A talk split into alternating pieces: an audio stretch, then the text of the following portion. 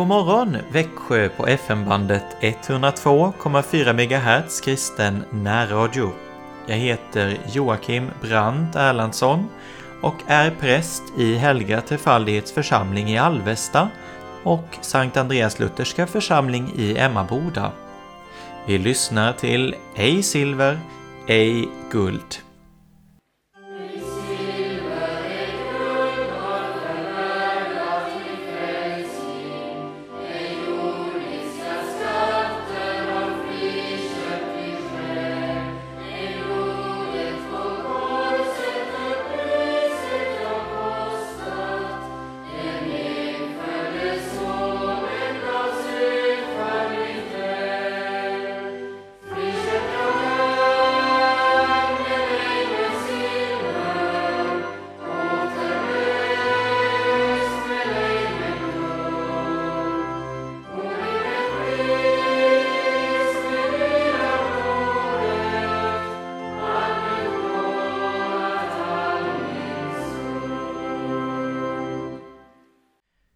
Jag läser ur boken Jesus vårt enda hopp av Wilhelm Busch. Gud, helt okej. Okay. Men vad ska vi ha Jesus till? I Jesus uppenbarar sig Gud för oss. När någon säger till mig Jag tror på Gud. Men vad ska jag med Jesus till? Då svarar jag Men vad pratar du för dumheter? Gud är en dold Gud och utan Jesus vet vi inget om Gud. Människorna kan visserligen göra sin egen Gud, den gode guden. Det tyska uttrycket der Liebe Herr Gott använder Bush här, som oftast används när gemene man i Tyskland talar om Gud. Den gode guden till exempel, han som inte lämnar en ärlig tysk i sticket så länge som han bara dricker fem glas öl om dagen. Den guden har inget med Gud att göra. Men den sanne guden då? Utan Jesus vet vi inget om Gud. Gud uppenbarar sig för oss i Jesus. I Jesus har Gud kommit till oss. Låt mig illustrera det med en bild. Föreställ dig en tät dimridå. Dold bakom dimväggen finns Gud. Men människorna kan inte leva utan honom. Och då börjar de söka efter honom. De försöker tränga igenom dimväggen. Det är religionernas ansträngningar. Alla religioner är människornas sökande efter Gud. Och alla religioner har ett gemensamt. De har gått vilse i dimman. De har inte funnit Gud. Gud är en dold Gud en man som hette Jesaja hade förstått det och han ropade från djupet av sitt hjärta Herre, vi kan inte komma till dig. Åh, om du ändå kunde låta dimridån rämna och kom till oss. Och kan ni tänka er, Gud hörde detta rop. Han lät dimridån rämna och kom till oss i Jesus. När änglarna på Betlehems marker stämde upp sin kör Idag har en frälsare fötts åt er. Ära vare Gud i höjden. Då hade Gud kommit till oss. Och nu säger Jesus Den som har sett mig, han har sett Fadern. Utan Jesus vet vi inte tillräckligt om Gud. Han är den enda plats där jag kan få sann kunskap om Gud. Hur kan man då säga jag klarar mig utan Jesus? Jag skulle kunna berätta hur mycket som helst om Jesus men jag måste fatta mig kort och utelämna mycket. Nu kan jag bara ta upp de viktigaste punkterna när det gäller frågan vad ska vi ha Jesus till. I Jesus uppenbarar sig Gud för oss.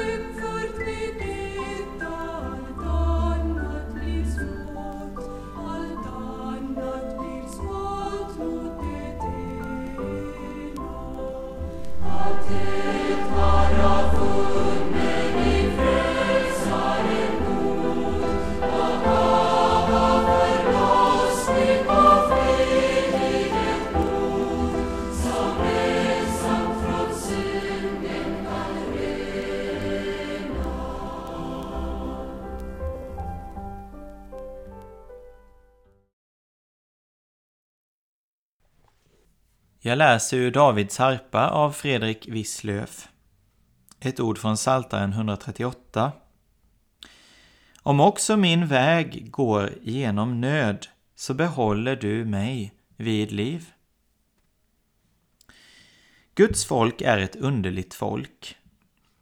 Det kommer därav att de har en underbar Gud.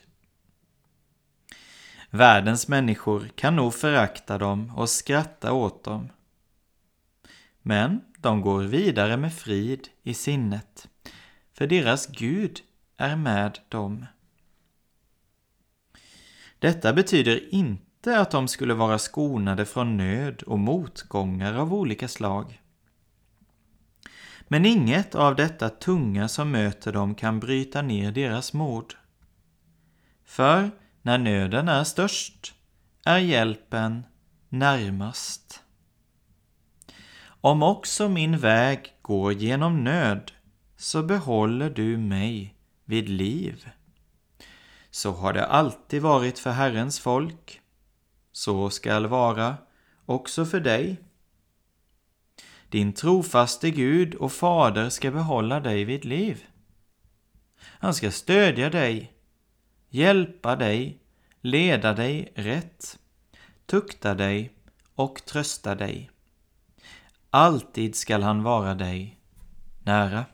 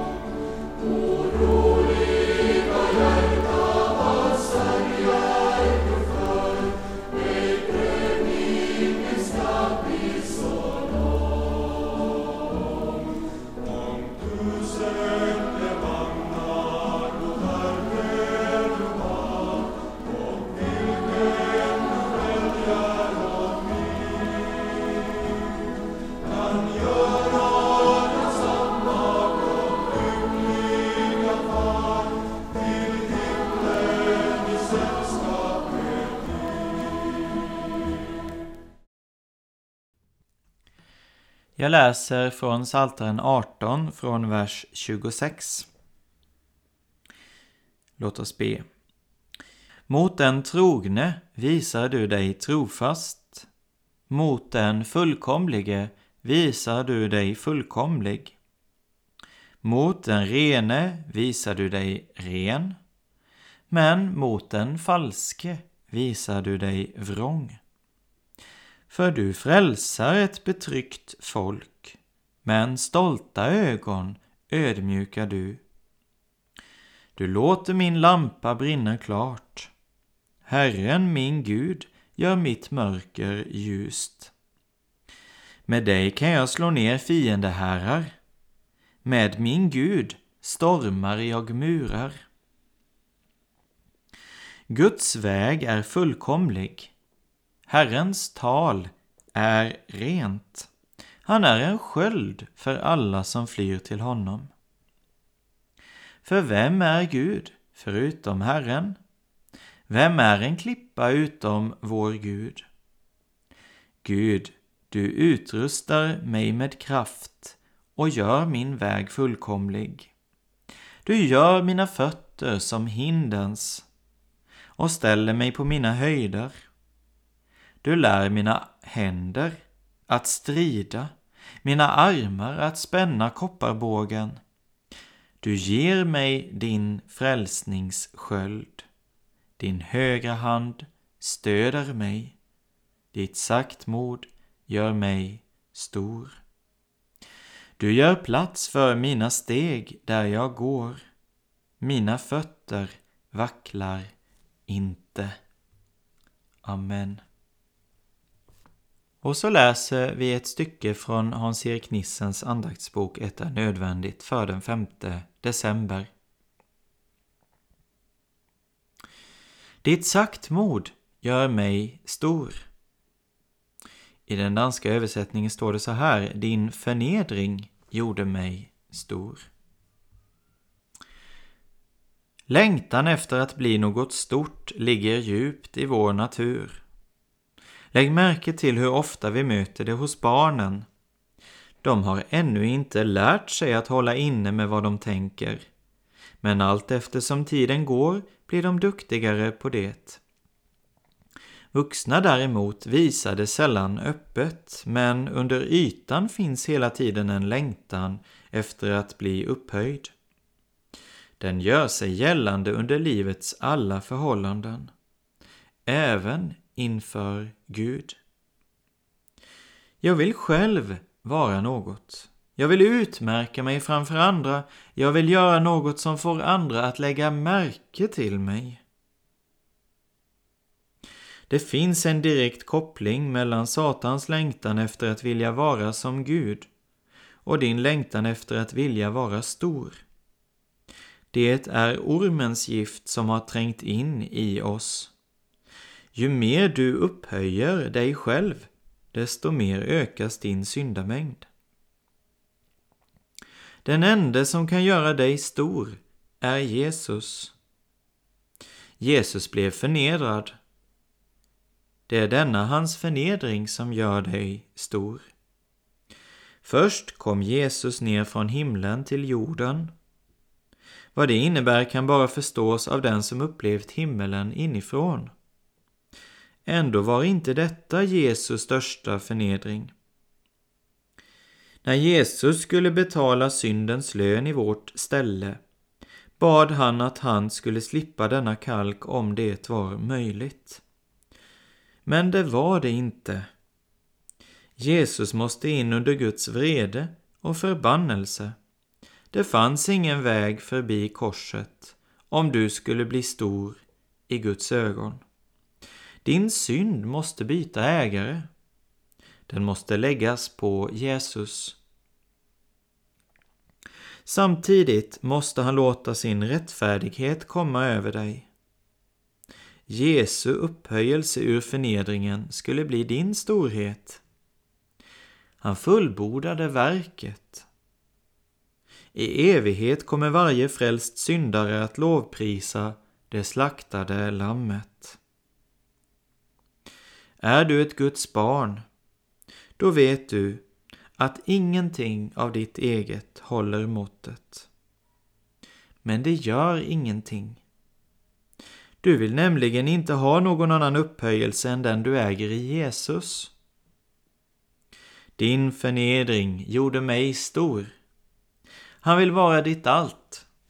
Tacka honom för att hans förnedring blev din upphöjelse.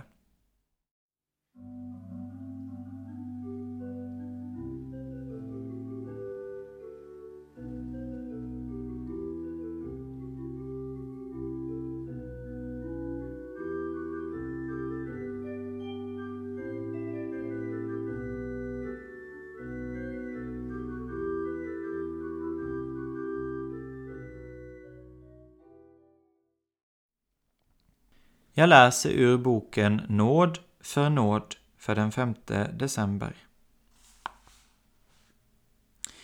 Gläd er över att era namn är skrivna i himlen. Lukas 10. Så talar han, vars öga mäter evigheten och på vars läppar sanningens himladotter tronar. Sant är det alltså att även syndares namn är skrivna på medborgarlistan i den eviga Guds stad. Och det är så fattiga, bristfulla syndares namn som de sjuttio var. Och du är. Du och jag. Sant är det att han för oss åter har öppnat det tillslutna paradiset. Nu står nåden med palmer i hand istället för ängeln med det bart huggande svärdet vid dess portar. Sant är det att vi redan på jorden kan veta och erfara att våra namn står skrivna i den stora Gudens levande bok. Vi ska ju glädja oss däröver. Och det är endast möjligt sedan vi erhållit viss och säker underrättelse därom. Sant och avgjort är det att inte bara släktet så som helhet utan varje enskild människa är för Herren Gud väl bekant och har rum i hans hjärta. För den livets bok som han har upptecknat oss i är ju hans förbarmande hjärta, hans kärleksfulla tanke och minne. Gläds, säger Herren, och han ser alltså i denna glädje en så liten fara för oss att han än mer anbefaller oss denna glädje så som ett dyrbart medel mot allehanda andliga faror. Gläd er över att era namn är skrivna i himmelen.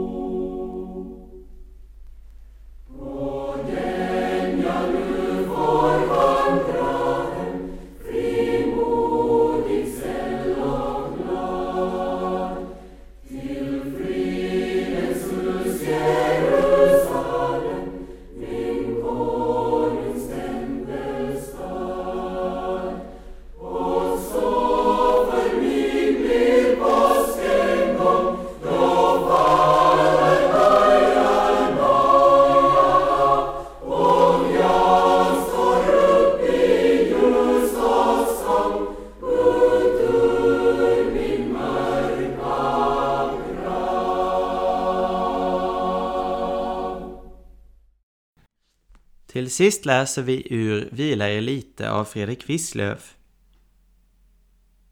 Och Sara dog, och Abraham begrät henne. Därefter stod han upp och gick bort ifrån den döda och talade så till Hets barn. Jag är en främling och gäst hos er. Låt mig nu få en egen grav hos er så att jag kan föra min döda dit och begrava henne. Jag är en främling och gäst. Hur svårt är det inte att lära sig det? De flesta människor måste in i en särskild skola för att lära sig förstå det. Abraham lärde sig det vid Saras bår. Allra mest då han måste slita sig ifrån henne och gå bort för att skaffa en gravplats. Då måste han köpa jord. Så mycket främling var han att han måste betala, till och med för en gravplats. Som det var den gången är det ännu ibland oss. Ingen av oss får gravplats gratis. Till den grad är vi gäster och främlingar på jorden att vi måste betala för den plats där våra lik ska grävas ner. Vi behöver alltid minnas det för varje ny dag. Vårt hem är inte här. Vi är gäster och främlingar på jorden. Men där uppe är vårt fädernesland. Där är vårt hemvist. Dit vill vi styra kurs. Där är vi väntade. Där är vi välkomna och hemma. Och Sara dog, och Abraham begrät henne. Därefter stod han upp och gick bort ifrån den döda och talade så till Hets barn. Jag är en främling och gäst hos er. Låt mig nu få en egen grav hos er så att jag kan föra min döda dit och begrava henne. Låt oss nu be med hjälp av boken Se på Jesus. Den som sitter under den Högstes beskydd och vilar under den allsmäktiges skugga, han säger I Herren har jag min tillflykt och min borg. Min Gud, som jag förtröstar på. Saliga beskydd under Jesu kors och vid hans frälsarhjärta. Jag flyr till dig, så eländig och fattig jag är, med all min synd, alla mina brister. Göm mig, dyre Jesus, och låt din eviga nåd överskugga mig. När jag vilar hos dig är jag salig. Under dina vingars skugga kan jag sjunga med fröjd. Ja, mitt i anfäktelsens och bedrövelsens natt är jag dock inte övergiven, för den allsmäktige skugga vilar över mig så vill jag då vila i ditt beskydd, trofaste Jesus. Trösta och vederkvick mig under ensamhetens långa timmar. Och låt mig snart för evigt bli gömd hos dig. Bred dina vida vingar, o Jesus, över mig och låt mig stilla vila i ve och väl hos dig. Fader vår som är i himmelen, helgat var det ditt namn. Tillkommer ditt rike. Ske din vilja så som i himmelen, så på jorden. Vårt dagliga bröd ge oss idag och förlåt oss våra skulder, så som också vi förlåter dem oss skyldiga är. Och inled oss inte i frestelse, utan fräls oss ifrån ondo. Ty riket är ditt och makten och härligheten i evighet. Amen. Herren lever, välsignad vare min klippa, upphöjd vare min frälsnings Gud.